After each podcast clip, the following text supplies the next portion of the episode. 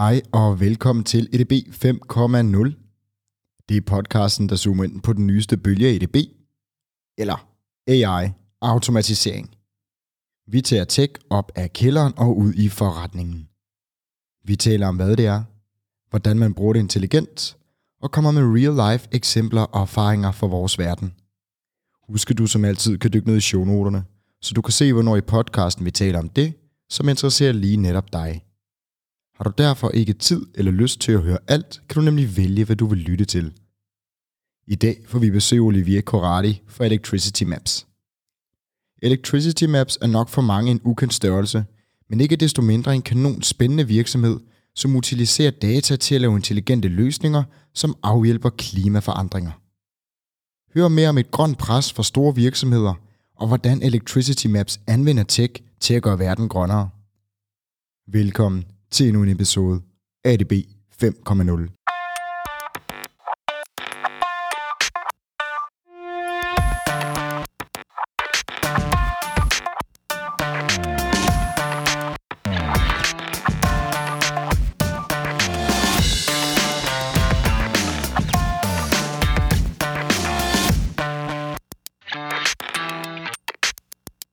Hej Olivier. Hej, Udtaler jeg dit navn korrekt? Det er perfekt. Kanon. Jamen, øh, velkommen til. Tak. Og jeg skal måske lige starte med at sige til lytterne derude, at øh, jeg har en ret hæs stemme i dag. Så øh, det gode er, at det er Olivier, der skal snakke mest, og mig, der skal stille spørgsmålene. Så jeg håber, I kan bære over med, med den lidt rustne stemme her i dag. Øh, så jeg foreslår, at vi bare springer direkte ud i det. Olivier, hvem er du, og hvorfor sidder du her i dag? Det er et godt spørgsmål. Uh, jeg er faktisk uh, halv fransk og halv dansk, så jeg er født og opvokset i Frankrig, og så flyttede jeg til Danmark efter det. Uh, har en dansk mor, uh, fransk far, og der studerede jeg så på DTU, hvor jeg fik studeret uh, matematik og statistik, var tilbage til Frankrig, uh, studerede generelt ingeniørvidenskab, og så tilbage til Danmark, og da jeg var tilbage til Danmark, der studerede jeg rigtig meget vindenergi, kiggede på, hvordan man kunne integrere alle de der store vindenergimængder ind i det danske energisystem. Øhm, og så var jeg ude og lede efter et job, og der var jeg hos IBM Research, hvor jeg arbejdede med disse ting. Var hos Google, hvor jeg lavede noget helt andet. Og så var jeg i det fransk startup, og så efter alle de her år, så tænkte jeg, øh, nu skal jeg i gang med noget andet, som virkelig kan prøve at løse de klimaforandringer, vi har her. Det er jo den historie, som jeg gerne vil fortælle i dag, sådan set. Præcis. Og lad mig lige stoppe det der, inden vi går ned og, og skal tale om, øh, om electricity, electricity Maps, som det jo hedder i dag. Hvorfor øh, valgte du at kaste din kærlighed på vind og, og, og grøn omstilling og grøn energi osv.? Jamen, øh, jeg havde et job øh, lige før jeg startede Electricity Maps, hvor jeg arbejdede med kunstig intelligens, og vi byggede øh, øh tech til virksomheder, som gerne ville, øh, hvad hedder det, sælge flere ads i princippet. Øhm, og så begyndte jeg at kigge på, hvad, hvad er det egentlig for nogle problemer, vi har i verden. Og så kastede jeg mig ned over klimaforandringer, og så fandt jeg ud af, at det her faktisk er meget, meget større, end hvad vi tror.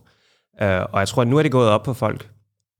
Hvornår er det her, bare lige så vi har kontekst med? Det var i 2016, Yes. øh, så det er et par år siden. Der var ikke så mange, der talte om, øh, om klimaforandringer. Der var ikke nogen Greta, der, der råbte og strækkede osv. Og, øhm, og det, jeg fandt sådan set ud af, det var, at energi var så vigtigt til vores samfund. Og det kan vi jo se med, med krisen, vi har i dag. Øhm, men hvis du tænker over det, så er det største, hvad hedder det, øh, kilde, den, den største kilde for vores CO2-udslip, det er for de fossile brændstoffer, som vi brænder af. Det er alt det kul, vi brænder af i øh, vores industri og i vores kulkraftværker til at og, og, hvad hedder det, øh, lave noget strøm. Det er de biler, vi kører, det er de fly, vi tager osv. Så der er faktisk 80 procent af al vores energi i verden, der kommer fra de fossile brændstoffer. For at kunne løse det problem, så den største løsning, det er jo sådan set at elektrificere det hele, altså have Tesla, elbiler, øh, hvad hedder det, elektriske fly øh, osv. osv. Vi skal bare huske på, at vi skal sørge for, at den el, vi producerer, den skal være grøn, fordi ellers så er det jo ligegyldigt, om du oplader din elbil med el, hvis den el den er blevet fremstillet med fossile brændsler. Og så var det så der, hvor jeg tænkte, jamen ved vi egentlig, hvor vores el kommer fra, og hvor grøn den er? Og det er faktisk et ret kompliceret spørgsmål, og det er noget data, der er svært at, at, at grave frem. Så med min databaggrund, så tænkte jeg, jamen kan vi ikke bruge kunstig intelligens og datavisualiseringsteknikker til at begynde at vise folk, hvor deres el kommer fra, og så sørge for, at vi får bygget et samfund, hvor vi elektrificerer tingene intelligent, således at vi rim, altså virkelig får de der fossile brændstoffer til at, til at forsvinde. Kanon. Så hvis jeg nu er fem år, og du skal forklare mig, hvad electricity... El, el, wow, det er svært for mig at sige her, det må, det må være min hestestemme. Electricity Maps, hvad, hvad, hvad I laver. Helt plain and simple. Hvad yes. laver I? Så hvis du kigger på uh, den, uh, din, din stikkontakt, som du har derhjemme, uh, der er noget strøm, der kommer ud fra den. Uh, hvor er det, den kommer fra? Det svar uh, kommer Electricity Maps med. Så du kan åbne Electricity Maps appen, og så kan du se på de forskellige uh, lande, der er i verden, i real tid, og hvis farven den er grøn, så er det grøn strøm, der kommer ud. Hvis den er sort, så er det sort strøm, der kommer ud, og så er det ikke et godt tidspunkt at bruge elen på. Hele ideen med at elektrificere hele samfundet, som du taler om, hvorfor er det, at man skal gøre eller selvfølgelig er det, er det mere klimavenligt, hvis du gør det med grøn strøm, men er der, er der afledte fordele af at øh, elektrificere et samfund? Vi skal tænke på, um, at øh, i det gamle samfund, man kan sige, i en fossil verden, der ender du med at afhænge af de lande, der producerer fossile brændster. Altså olielandene, kul og så videre. I en elektrisk verden, der har vi lige pludselig andre muligheder. Spørgsmålet er, hvor er det, vores el kommer til at komme fra? Øh, der er nogle lande, der har besluttet sig for at producere den med atomkraft, og det er jo for eksempel det, som Frankrig gør. Det vil sige, at de kommer til at afhænge af de lande, som har uranium. Øhm, i lande som Danmark har man besluttet sig for at gøre det med øh, vind hovedsageligt, og så afhænge af naboerne. Når man afhænger af vind, så afhænger man jo af de lande, der kan producere øh, hvad hedder det, vindturbiner og så videre, vindmøller. Og vi har jo Vestas, vi har Ørsted og så videre i Danmark. Ikke? Så, så det er jo rimelig dansk produceret teknologi, selvom vi er nødt til at importere andre råmaterialer til at kunne producere dem fra Kina og så videre. Øhm, så der er noget, hvad hedder det, vi ændrer lidt vores geopolitiske afhængighed ved at ændre på, hvor er det, vores øh, energi kommer fra, og når man går over til et elektrisk system, jamen så får man lidt mere frihed i hvert fald. Jeg ved, en af de her udfordringer, nu hørte jeg et eller andet klip med Elon Musk, som, som fortalte, at man kunne øh, give strøm til hele USA ved at dække et område som Ohio eller et eller andet med solceller. Der var en mærkelig, men, men udfordringen var, at man ikke kunne, øh, eller det var, nu siger omkostningstungt at øh, flytte elen rundt, og det var svært at lære elen at der ikke en udfordring, hvis man vil elektrificere et samfund, hvis du skal producere el, og du så ikke kan opbevare el, hvis ikke det er, den skal bruges i realtid? Absolut. Og det var også derfor, at øh, Electricity Maps blev bygget. Det var sådan set for at vise de udfordringer. Og det er jo store udfordringer, hvis vi ikke løser dem, hvis vi ikke gør dem synlige, så tror jeg bare, vi gør det svært for os selv. Så der er to udfordringer. Den første er, at vi ikke kan lære den der el. Det vil sige, at vi skal enten bruge den, når den er tilgængelig. Altså når vindmøllerne producerer strøm, skal man bruge den lige nu, fordi det bliver bare dyrere, hvis man skal bruge den senere og lære den først. Det er det første. Og det andet er, at hvis man skal transportere den til et sted, øh, hvor vinden ikke blæser, så kommer det også til at have nogle omkostninger i forhold til en infrastruktur, der, kan, der skal bygges. Og det kan man faktisk allerede se mellem øh, Jylland og Danmark, øh, hvor at der er et, øh, et svagt net i Tyskland, og det gør så, at man kan se, at elprisen nogle gange bliver negativ, fordi når vinden blæser i Danmark, så blæser den også i Tyskland, hvilket gør, at den der el, vi simpelthen ikke kan sende den til resten af Europa. Det giver god mening. Nå, tak for en fin intro. Vi skal ned og vi skal dykke meget mere ned i Electricity Maps, så jeg ved, du har nogle use cases med og andet. Men øh, før vi gør det, så kunne jeg godt tænke mig at, at spørge dig i en podcast, som diskuterer intelligent automatisering, hvad det betyder for dig. Jamen for mig betyder det faktisk rigtig meget, øh, specielt med det, vi gør her med Electricity Maps. Fordi jeg tror, at øh, hvis vi kigger på energisystemet, så er det noget, der blev, den infrastruktur, der blev bygget, er jo sådan set næsten 100 år, 100 år gammel der er en mulighed nu med alt det data og monitorering, vi har i realtid, til at træffe nogle intelligente beslutninger, øh, som simpelthen bliver truffet af maskiner, i stedet for at det er, øh, du ved, dig om height, der skal sidde og, og, og sige, nu bruger jeg elen, fordi vinden blæser. Så hvad nu, hvis vi havde et samfund, som blev automatiseret, således at alle vores fleksible elforbrugssystemer, de brugte elen, når den rent faktisk var grøn og tilgængelig. Og for mig er det her et, altså, et perfekt case øh, til intelligent automation. Electricity Maps skal måle energi og grøn energi i realtid og give forbrugerne et overblik, eller leverandøren et overblik, eller hvem er det egentlig, der får gavn af alt det her, og hvad er det, de køber med jeres løsning, som de ikke har i dag, som kan gøre verden til et grønnere sted? Så det, jeg gerne vil differentiere, det er sådan set, hvem øh, der betaler for vores service, og øh, hvem er det, der får gavn af det. Fordi det er faktisk ikke de samme øh, personer. Og det gør det lidt mere kompliceret at forstå det, vi gør. Så på den ene side, så har vi det, vi kalder vores app, og det er jo en, som kan downloades gratis øh, på App Store, Play Store osv. Den viser, hvor grøn elen er lige nu, øh, og den viser faktisk også, hvor grøn elen har været i øh, altså de sidste år og så videre. I sit eget hjem? Øh, I landet, hvor du bruger elen. Øh, yes. Præcis. Så det er i dit eget hjem i princippet. Um, og det er blevet set efterhånden af rigtig, rigtig mange folk rundt omkring i verden, og det gavner, altså, du ved, både du og jeg, som kan være nysgerrige og forstå, jamen, hvor meget vindenergi er der egentlig i Danmark? Hvad nu, nu er det jo en solrig dag i dag, hvor vi optager det her. Altså, hvor meget solenergi bliver der produceret lige nu? Der kan man gå ind, og så kan man være nysgerrig og forstå det her meget bedre. Og jeg kunne godt tænke mig lige at bryde ind her, fordi at, øh, hvor interessant den er at tale om grøn omstilling, som jo er kæmpe fedt, så er det jo lige så meget en data- og tech-podcast. Så jeg kunne godt tænke mig at vide, hvor du henter al den her data henne. Er den bare frit tilgængelig, og skal du modellere den? Skal du gøre noget med den? Altså, hvor kommer alle de her datakilder fra, og, og hvordan er de tilgængelige? Ja, lad os tale lidt om det. Så hvad hedder det? Energinet i Danmark er jo ansvarlig for balancen i vores elnet, og de er, udgiver en masse åbne data. Så vi henter de åbne data, og de åbne data de består sådan set af i realtid, hvor meget vindproduktion er der, hvor meget kulproduktion er der osv. osv. De data henter vi så for alle lande i verden. Og den måde, vi gør det på, det er jo ikke systemer, som vi har bygget selv. Vi har faktisk open sourced systemet, således at der er nogle contributors rundt omkring i verden, øh, eksperter, der ved meget bedre, hvordan øh, det ved jeg, et elsystem i Japan fungerer. De kan så bidrage med et stykke kode, som henter dataen fra Japans energinet, for eksempel. Øhm, de data henter vi så, og så har vi nogle øh, algoritmer, der simpelthen prøver at måle, hvor elen kommer fra. Det betyder, at hvis jeg kigger på din, den der el, øh, hvad hedder det, vores øh, stikkontakt, øh, der leverer strømmen til det her studie lige nu, den el, den kommer fra noget, der er produceret lokalt. Den kan også komme fra noget el, der er blevet importeret fra nabolandene. Det, det vil sige, at i princippet, hvis der er en ændring i øh, produktionen i et land i Europa, så kommer det faktisk til at have sådan konsekvenser, at det ændrer, hvor elen kommer fra i alle koblede lande i Europa på det samme grid. Så vi har nogle algoritmer, der simpelthen kobler alle de her data streams sammen, øh, og så i sidste ende, så kan vi så sige, jamen, elen er så grøn i det her sted på gridet lige nu og her. Fedt. Tilbage til, at det ikke er de samme, som køber det her, som får gavn af det. Så vi har den her app, og den app er jo øh, hvad hedder det, besøgt af nogle nysgerrige øh, folk, som gerne vil vide, altså nørder, som gerne vil vide, hvordan elsystemet fungerer. Men det er faktisk også brugt af energieksperter nu. Uh, det er også brugt af nogle politikere, som uh, gerne vil altså, prøve at vise uh, vejen fremad. Uh, vi har en mange debatter om atomkraft mod uh, vindenergi. Altså, hvad er den mest effektive måde at bygge et elsystem på?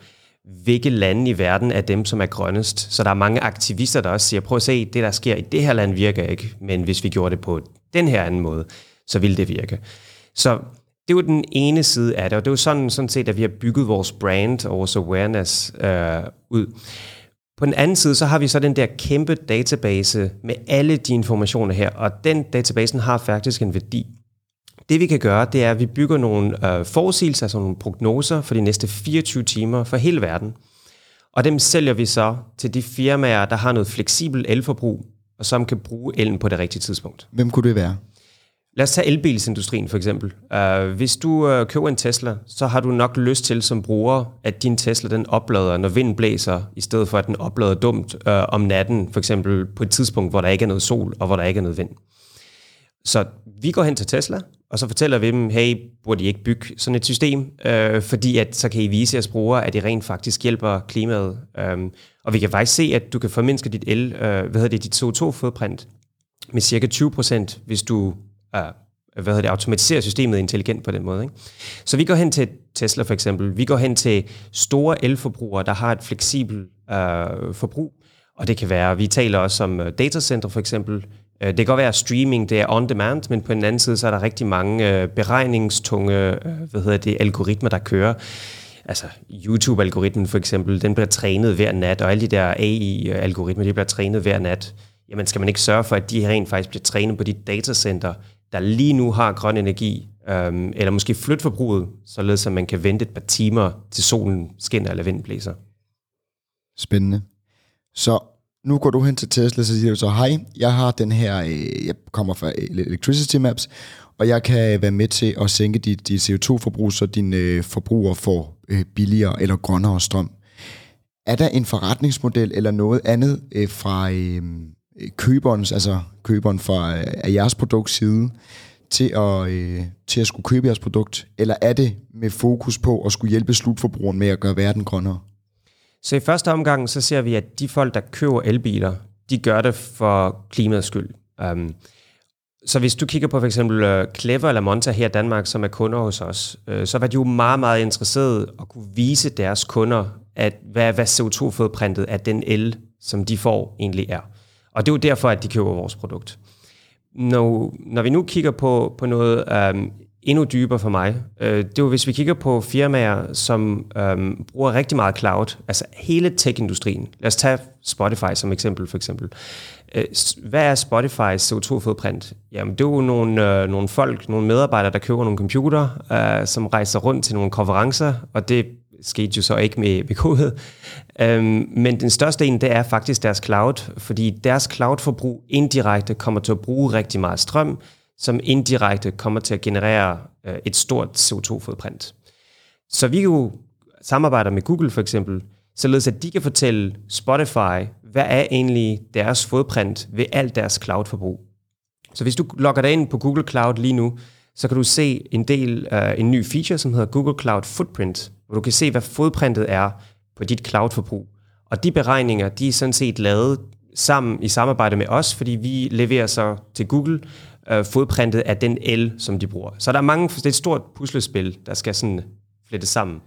Så man kan sige, ideelt set, så vil du gerne have hele S&P-indekset i, i øh, eller S&P 500-indekset i, i USA til at, til at sige, at øh, de vælger kun, hvad der Microsoft, Google og Amazon, at, at de tre store datacenter, de vælger dem, som kan give dem den bedste, det bedste grønne overblik, og som er mest miljøvenlige. Så det vil være forbrugerdrevet, som skulle give krav til leverandørerne. At, at, er det der, vi ultimativt gerne vil hen? Ja, og det er også der, hvor vi er på vej hen, fordi det, der er sket, det er, at øhm, de store, store virksomheder, de, øh, efter den sidste COP, så har de så sagt, at vi vil gerne sørge for, at vi sætter et mål, som hedder net zero, øh, og så sætter de et eller andet år, øh, så de siger, at vi skal have net zero i 2030 for eksempel. Når de gør det, så går de hen til deres øh, hvad hedder det, indkøbsafdeling, og så siger de, vi skal sørge for, at alle vores leverandører, de ender med os med at være net zero. Og den indkøbsafdeling, den siger så, jamen, vi bruger rigtig mange penge på cloud. Hvad er det for en cloud-leverandør, vi skal tage, således at vi kan ende med et fodprint, som er så lille som overhovedet muligt? Jeg må lige tillade, jeg tillader mig lige at hoppe lidt. Øhm, vi har jo talt sammen inden, og der kan jeg huske, at, øh, at du sagde noget, jeg undrede mig meget over. Øh, og det var, at grøn strøm for elleverandører ikke altid var godt. Det er rigtigt. Øh, hvor, når, når man tænker på, hvor elen kommer fra, øh, hvis man tænker på det fysiske elsystem, så har du nogle vindmøller, der producerer noget strøm, og så har du måske også nogle, øh, noget biomasse eller noget sol, der producerer noget strøm al den strøm, den ender med at blive blandet i det her elnet. Det vil sige, at du som forbruger, det eneste du kan forbruge, det er den, det blandingsprodukt. Du kan ikke vælge selv at bruge udelukkende solsiden af den, fordi du ikke kan dirigere elektronerne i et netværk. Du kan ikke sige direkte, at den der øh, vindmølle, al den energi, den producerer, skal udelukkende sendes til mig, og alle de andre må ikke få gavn af den. Så det er sådan, at, at systemet fungerer sådan rent fysisk. Så har vi et andet system efter det, hvor vi rent faktisk kigger på, hvor pengene kommer fra. Og hvis du tegner en, en grøn elaftale, det der rent faktisk sker, det er, at din elleverandør kommer til at købe elen fra vindmøllen. Og når den gør det, så sørger den for, at der er ekstra penge, der går til den der vindmølle, som gør, at, den der, at der bliver oprettet flere af dem. Så det vil sige, at der er to forskellige systemer. Enten så kigger du på, hvordan systemet fungerer fysisk, eller så kigger du på, hvor pengene kommer fra, altså de kontraktuelle øh, flows, som man siger det. Og der er det bare vigtigt, at man kigger på, når du køber vindmøllestrøm, jamen er det egentlig noget, der kommer til at sørge for, at vi opretter flere vindmøller eller ej? Fordi hvis du bare køber nogle vindmøllecertifikater, som ikke rigtig øh, hvad det, er noget værd, så kommer du ikke til at give nok nye penge til den vindmølle, og så er der ikke rigtig det til mange til, at en, en ny investor bygger flere af dem. Så det store problem, vi har her, det er sådan set, at der findes nogle elaftaler, hvor de der certifikatspriser er så lave, at det egentlig ikke fremstiller det, det rigtige incitament til at, til at have nogle flere vindmøller.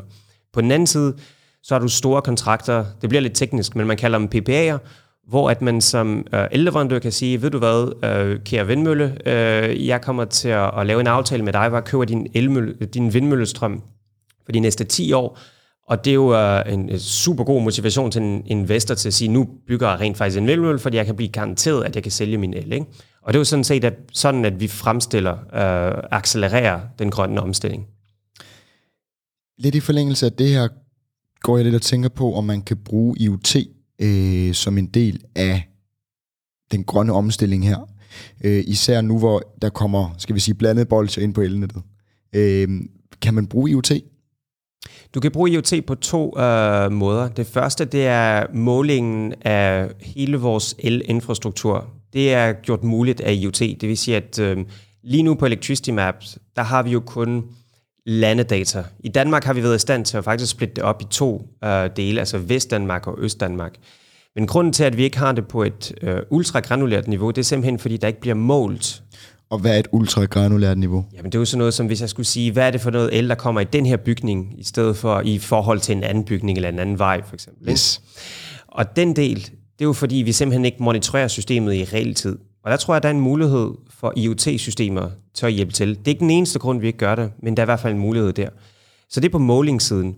På den anden side er der også kontroldelen, som er interessant, fordi alle de her IoT-systemer, de gør det muligt at styre nye systemer. Hvis jeg kigger på alle de øh, hvad hedder det, øh, varmesystemer, der er installeret rundt omkring i Danmark, og varmepumper osv., der skal man sådan set sørge for, at de her kan blive styret, således at når vinden ikke blæser, eller når prisen er, er rigtig høj, at man så slukker for dem. Og det er jo et system, der skal styres, og IoT-systemer kan jo sådan set sørge for, at man kobler de her systemer, som er muligvis offline, kobler dem online, således at de kan blive styret og kan lytte til et signal. Jamen, betyder det så, at, at man... Ja, så, eller det jeg, måden, jeg hørte på, det er, øh, tror jeg, lad mig formulere det, det er så, at man siger, at øh, med de fossile brændstoffer, der kan du ikke, øh, du kan ikke forudse på samme måde, der bliver det bare produceret, men med, hvis du bruger IoT, så kan du også være med til at lave forudsigelser, som kan hjælpe til bedre opbevaring og til bedre distribuering. Er det korrekt? Altså jeg tror, at IoT-systemer er ikke øh, hvad hedder det, løsningen på alle vores problemer. Så hvis du kigger på, lad os tage varmesystemer som et eksempel. Um, hvis du har et oliefyr derhjemme, så nytter det ikke, at du propper et IoT-system for at kunne styre det intelligent, fordi du kommer altid til at bruge olie. Men hvis du omdanner det til en varmepumpe, hvis den varmepumpe den så ikke er koblet til internettet, øh, så kan du ikke styre den intelligent. Men hvis du, hvis du lige pludselig propper et lille IoT-system on top, som gør, at den varmepumpe nu kan blive intelligent, kan blive styret igennem internettet, så kan vi lige pludselig fortælle den varmepumpe, hey, om en time kommer øh, vinden til at blæse meget mere, må ikke du skulle vente en time til at bruge den energi, du skal bruge til at kunne oplade den bygning. Og så lige pludselig, så har vi noget, der kan accelerere den grønne omstilling. Afgjort. Så lad mig prøve at, at stille dig et øh, stort spørgsmål her midt i øh, set i lyset af den russiske invasion af Ukraine, hvor EU jo har besluttet, at man skal øh, mindske forbrug af russisk gas med at 70-94 procent inden for en 2023 eller et eller andet. Jeg kan ikke huske det præcise, det ved du nok bedre, end jeg gør. Men man skal i hvert fald mindske gassen, og vi i Europa, især Tyskland, men også i Danmark, er jo meget afhængige af den russiske gas lige nu, og Ørsted har været i vælten, og jeg skal komme efter dig. Hvad betyder hele den her fuldstændig vanvittige acceleration, vi aldrig ville have set, hvis ikke Putin havde invaderet Ukraine? Hvad, hvad betyder det for den grønne omstilling, hvad betyder det for brugen af el og øh, produceringen af grøn el, og hvorfor har vi ikke set Investors aktie stige fuldstændig vanvittigt endnu? Altså, kan, kan du prøve at sætte nogle, nogle flere ord på det? Jeg tror, det første ord, jeg tænker på, er panik. Øhm, vi har en rigtig stor afhængighed i Europa af det øhm, russiske gassystem. Vi har det både på øh, slutforbrugeren, det vil sige, at der er mange slutforbrugere, der ender med at bruge enten noget øh, el, som er produceret med gas, eller direkte gassystemer til varme for eksempel. Industrien afhænger rigtig meget af det også. Øh, den tyske industri for eksempel afhænger utrolig meget af gas. Og gas er jo et fossil brændstof. Så lige pludselig der er sket ved at sige, at vi nu skal øh, hvad hedder det, afkobles af det russiske system, er, at i princippet så er, el, så er gasprisen steget rigtig meget. Det gør, at vi sådan set har fået en CO2-afgift i princippet uden at virkelig ville det, så har vi lige pludselig en CO2-afgift, som gør, at øh, industriens energipriser er steget, og vores øh, energipriser stiger også. Så det gør, at der lige pludselig er en kæmpe incitament til at prøve at, at, at, hvad hedder det, at, at, at hvad hedder det, transitionere til et system, som ikke har gas, og som er væk fra de fossile brændstoffer. Så det, man kan se i forskellige lande, det er, at man accelererer installationen af vindmøller, solceller øh, og andre systemer. Øh, udfordringen er, at når vinden ikke blæser og solen ikke skinner, så har vi ikke noget el. Og læringssystemerne, de er faktisk ret dyre lige nu. De er ikke klar endnu. Man taler meget om Power to X og, og brintsystemer til læringen. De er ikke klar endnu, det er for dyrt. Så Tyskland er ved at tænke på, jamen kan vi ikke forlænge vores atomkraftværker, således at de kan køre lidt længere. Øh, de har også sagt, at de åbner op for kulkraftværker, som er så værre for en grøn omstilling. Ikke? Så der er det, alt den panik, der sker lige nu, er både øh, en god ting og en dårlig ting. Øh, den, den gode ting, det er, at det lige pludselig kommer til at accelerere alle vores investeringer, og lige pludselig så er vi, så er vi øh, hvad hedder det, for sent på den, hvor tidligere så sagde man altid, ja, men det kommer vi til at klare senere.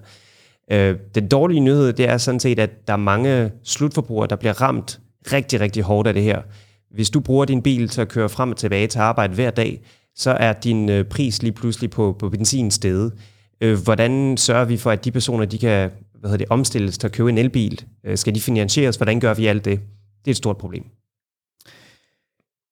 Hvad med, øh, hvad med at kunne måle på, nu bliver jeg bare lidt nysgerrig, og det er egentlig det, går vi fuldstændig off-script her. Øh, der har jo også været, været meget øh, diskussion om, om elbiler rent faktisk er grønnere fordi at batteriet jo øh, koster sindssygt meget CO2 at lave kontra almindelige øh, øh benzin- eller dieseldrevne biler. Sørger man også for i sin øh, triangulering og for at fremstille sine data og have alle de her dataskilder med, når man laver grøn teknologi eller teknologi til at vise grøn omstilling. Hvordan, hvordan sikrer man sig, at man har både pære og bananer med, havde han sagt, og ikke kun viser alt det gode ved, at hvis du kører en elbil, så sparer du, men men egentlig også husker, hvad det koster at producere? Så det vi gør på Electricity Map-siden, det er, at vi tager i betragtning hele værdikæden på el-siden. Det vil sige, at øh, selv på atomkraftværker for eksempel, som ikke udleder noget CO2, når elen bliver produceret, så er der stadigvæk noget CO2, der er blevet udledt, fordi det atomkraftværk, det skal bygges, der er noget cement, der skal bygges, cement udleder rigtig meget CO2, så er der nogle affald, øh, de skal begraves, de skal vedligeholdes, de skal håndteres osv. Og kan man bare få fat i al den data? Ja, så du har faktisk IPCC, øh, som er et, øh, en, et øh, UN-institut, som, som hvad hedder det, laver nogle, det man kalder meta-analyser. Øh, så de kigger på, hvad videnskabsverdenen har egentlig produceret af forskning øh, på CO2-siden. Og de har lavet nogle, nogle øh, hvad hedder det, gennemsnit for alle de øh, hvad hedder det, værdikædeanalyser, der er blevet lavet på alle forskellige teknologier. Og dem henter vi, og så siger vi, jamen på atomkraft, så er der så mange gram CO2 for hver kilowatt-time, der bliver produceret, hvis du tager i betragtning hele værdikæden. Så det er så på elsiden. Når du kigger på elbilsiden, så er det jo der, hvor lige pludselig, så kan man begynde at vælge de tal, øh, så kommer til at vise en, en, en, en god eller dårlig historie. Øh, jeg har jo set nogle kampagner, som siger, at elbiler de udleder 0 CO2. Og der skal man passe på, hvilke ord man rent faktisk bruger, fordi når elbilen kører, ja, så udleder den ikke noget CO2 direkte, men elsystemet, det udleder noget CO2 til at fremstille en el. Batteriet har udledt noget CO2, når det er blevet fremstillet. Ikke? Men hvis du tager i betragtning hele værdikæden, så typisk vil en elbil være grønnere. Øhm, men det man nogle gange glemmer, det er, at hvis du kører, hvis du kører lige nu en øh, lille benzinbil, som ikke udleder så meget, og du så køber en kæmpe Tesla ved siden af, så kan det godt være på hele værdikæden, at du rent faktisk kommer til at udlede mere CO2, fordi du har købt en større bil, der kommer til at bruge mere energi. Men på samme bilstørrelse, så er øh, en elbil typisk grønnere det vi jo, øh, ja, det er ligesom en universel sandhed, det er, at Danmark jo er et, er et meget lille land, og uanset hvad vi går fra eller til, jeg så et tal på et tidspunkt, det var mikro, minimalt, hvad det betyder, hvad vi gør i Danmark globalt set. Men ikke desto mindre kan Danmark jo være et forgangsland, øh, både ved at vise vej, men også ved at, at producere virksomheder som, som, som din, som ligesom hjælper andre. Så det er jo sådan lidt øh, begge sider, kan man sige. Og i Danmark er vi også så heldige, at vi har meget gennemsigtighed i offentligheden, vi har meget gennemsigtighed i data osv., men hvis man ligesom skal brede det her ud og sige, okay, vi skal ud der, hvor det batter i Rusland, Indien, Brasilien, Kina, øh, Frankrig, Tyskland, altså meget, meget større lande, som kan give en meget, et meget større afkast på den grøn, grønne omstilling. hvordan sørger man for at komme ud i, i langt flere lande og få tilgængelige data inkorporeret, eller måske utilgængelige data, havde jeg sagt. Bliver det lige så let som i Danmark, eller hvad skal man gøre, og kan man hente øh, syntetisk data for at supplere?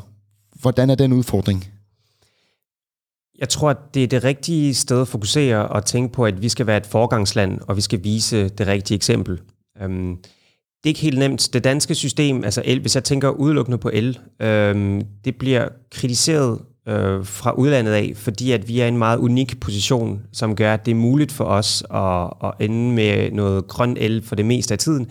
Og det er simpelthen fordi, at vi har øh, det nordiske elsystem, altså Sverige og Norge, der kan levere noget grøn strøm, når vi ikke selv kan levere vores egen strøm.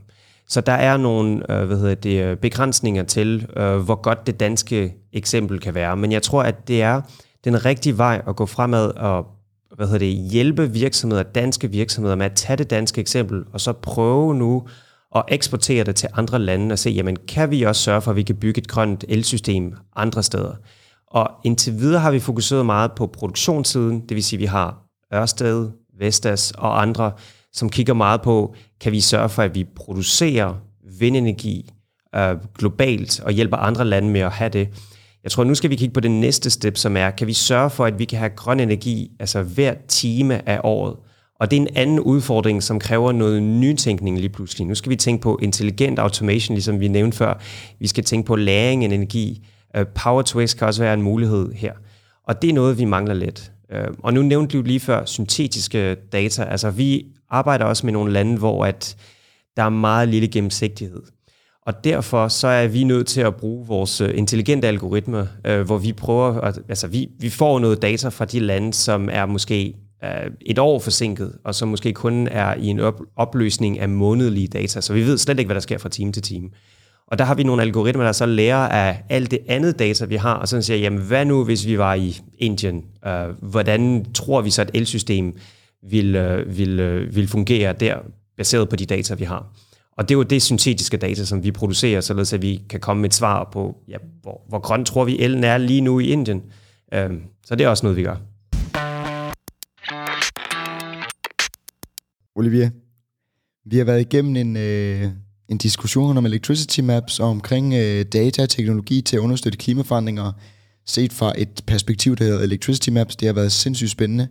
Hvis vi hiver det op på et lidt højere niveau, og skal have en diskussion eller en samtale om, hvordan teknologi generelt set kan, kan afhjælpe klimaforandringer, hvad ser du så af måske både historisk fremdrift, men også af fremtidige muligheder? Teknologi kan gøre rigtig meget for at, at hjælpe klimasiden, specielt øh, uh, IT-teknologier. Um, øhm, og jeg tænker specielt her på at, at måle og optimere. Altså klimaforandringerne uh, det er jo drivhusgasser.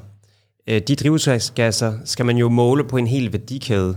Det betyder, at det er ekstremt komplekst at måle. Altså hvis jeg kigger på det ved jeg, den mikrofon, vi bruger lige nu, og skal sige, hvor meget CO2-udslip den har genereret i forhold til en anden mikrofon, når du nu skal købe den næste for eksempel, så er det jo rigtig kompliceret at finde ud af, jamen, hvordan er det egentlig fremstillet, Hvil, altså, hvilken lastbil har transporteret det, købte du det online, altså blev det fragtet, tog, cyklede du til, til Elgiganten for at købe Altså alle de her ting, det kræver sådan set så meget data, der skal flettes sammen. Og i sidste ende, så er det måske heller ikke så vigtigt, at man er så præcist, øh, så man skal, man skal jo fange de data, der egentlig batter. Altså hvis, øh, hvis det, at du cyklede hos Elgiganten, det er kun 1% af fodprintet, så er det jo ligegyldigt i princippet. Ikke? Og jeg tror, det er der, hvor at kunstig intelligens kan hjælpe os med at mine alt det her data, og sørge for at fylde hullerne ud. Altså hvis jeg kender den her, hvis jeg ikke lige kender den her mikrofon, men jeg kender en, som er meget, meget øh, hvad hedder det, øh, similær, så kan jeg jo øh, have nogle algoritmer, der kan sige, jamen jeg tror sikkert, at den her er på det niveau. Ikke? Så jeg tror på at måle tingene, der er det der, hvor det ender med at blive et gameplay øh, på data og på kunstig intelligens. Ser vi, eller ser du blockchain som en, som en vigtig del her? Så jeg er faktisk lidt imod blockchain, for jeg tror, at som øh, teknologi, øh, der løser den faktisk ikke det problem, som, som vi har. Altså det, vores problem er at få fat i dataen, og så fylde nogle huller ud. Og der tror jeg, det er mere et øh, AI, machine learning problem, som vi har her. Blockchain giver der nogle andre egenskaber, øh, giver der egenskaber som for eksempel øh, privacy og immutability af, af kæden osv., og de her er faktisk egenskaber, som du kan finde i andre systemer, distribuerede databaser osv., har også øh, nogle, nogle similære øh, koncepter der. Så jeg, jeg, jeg tror, at det er mere, hvad vi gerne vil putte på blockchain, mere end blockchain som sådan, er en anden måde at sige det på. Yes. Vi ser jo, nu nævnte jeg nogle af, af de helt store syndere før i vores øh, udledning, som, som Kina, Rusland, øh, Indien, USA og så videre. Og der er jo nogle af de lande, der er mere lukket end andre, tror jeg ikke, vi støder nogen ved at, øh, ved at sige. Ser vi nogensinde, at vi kan tegne værdikæder op, eller forsyningskæder, når så meget bliver produceret for eksempel Kina, som er et land, som historisk set har, har givet den data og fremstillet den data, de har lyst til at gøre. Bliver det ikke sådan et utopisk billede af, at vi her i Skandinavien eller i, i Vesten godt vil fremstille nogle data, men alt det, vi ikke selv producerer, men er, men er med i vores produktion, som kommer fra andre lande, øh, de vil aldrig nogensinde blive fremstillet korrekt. Så er det ikke bare et utopisk billede at forestille sig, at vi en dag kan måle en, en hel forsyningskæde på en iPhone eller en computer? Det er ved at ændre sig. Øhm, så er der selvfølgelig nogle krav, vi kan stille øh, til lande, som ikke er transparente, for at sige, eller også til virksomheder. Øh, fordi hvis jeg begynder at sige, at jeg ikke kommer til at købe øh, en computer fra, nu nej, nævner bare Kina for eksempel, fordi at øh, deres CO2-udslip på, øh, hvad det, i deres rapport ikke er transparent nok, øh, så kommer de til at miste nogle penge, hvis det gør, at der er nok folk, der siger, at det er vigtigt for os, derfor så øh, går vi til en anden leverandør. Det er det første, men jeg tror, der er noget andet, som er meget mere, øh, meget mere interessant, og det er, at der er nogle virksomheder nu, der begynder at kigge på satellitbilleder, for at finde ud af, jamen, øh, hvilke fabrikker kører lige nu øh, i nogle steder, hvor vi ikke har noget data. Det vil sige, at vi kan faktisk begynde at, at verificere det, som et land siger på elsystemet, ved at kigge på, jamen, kørte de der kulkraftværker, altså du kan se, om der, om der er noget røg, der kommer ud af den, øh, eller ej. Ikke? Så, så der er nogle metoder, man kan bruge der, hvor kunstig intelligens også kan hjælpe os en del. Spændende. Men tech er ifølge dig ikke altid svaret. Er det korrekt forstået? Det er i hvert fald ikke det eneste svar. Det er ikke det eneste svar. Og det er ikke, øh, jeg tror, vi har levet i de sidste mange hundrede år øh, med, øh, med en verden, som altid er blevet forbedret af teknologien. Øh, teknologiske innovationer har gjort verden til et bedre sted. Øh, og det har også gjort, at vi kunne vækste som samfund. Men nu er vi nået til et punkt, hvor at vi kan mærke, at vores egen vækst, den har nogle konsekvenser. Altså den har det, der, det vi kalder et feedback loop. Det vil sige, at lige, vi lige pludselig, al vores CO2-udslip gør, at øh, der kommer til at være mere varme, og vi kan se det i den her sommer, nu er der folk, der begynder at installere aircondition, det gør, at vi skal bruge endnu mere el, og så videre, så videre, så videre. Så det, der sker her, det er, at vi skal passe på med at sige, øh, at teknologien kan reddes, og vi kan blive ved med at, at, at leve vores eget liv. Og jeg har stillet mig selv meget det spørgsmål om, hvad er det, som, hvad er det for et, et, et et godt øh, hvad hedder det, mål for os mennesker at sætte os selv i forhold til, hvad vores levestandard skal være i fremtiden. Altså kan vi sige, kommer den hele tiden til at stige, og hvornår kommer det til at stoppe? Eller kommer det nogensinde til at stoppe? Eller når vi til et andet sted?